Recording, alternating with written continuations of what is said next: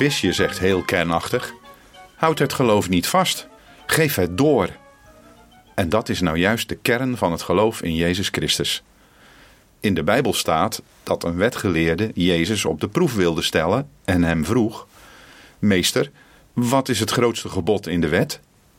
Jezus antwoordde: Heb de Heer, uw God, lief met heel uw hart en met heel uw ziel en met heel uw verstand.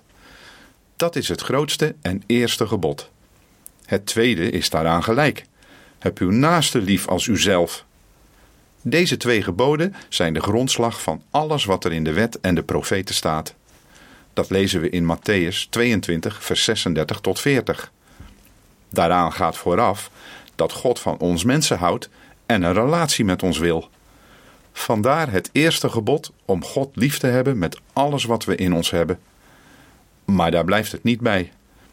Het tweede gebod is om onze naaste lief te hebben. Dat kunnen we niet uit onszelf, zo leert de praktijk. We kunnen alleen de liefde die we van God krijgen doorgeven aan de anderen. En daarmee getuigen van ons geloof in Hem. Die liefde van Jezus Christus is zo krachtig dat daardoor mensen tot het geloof komen. Ja, Visje heeft gelijk. Houd het geloof niet vast. Geef het door.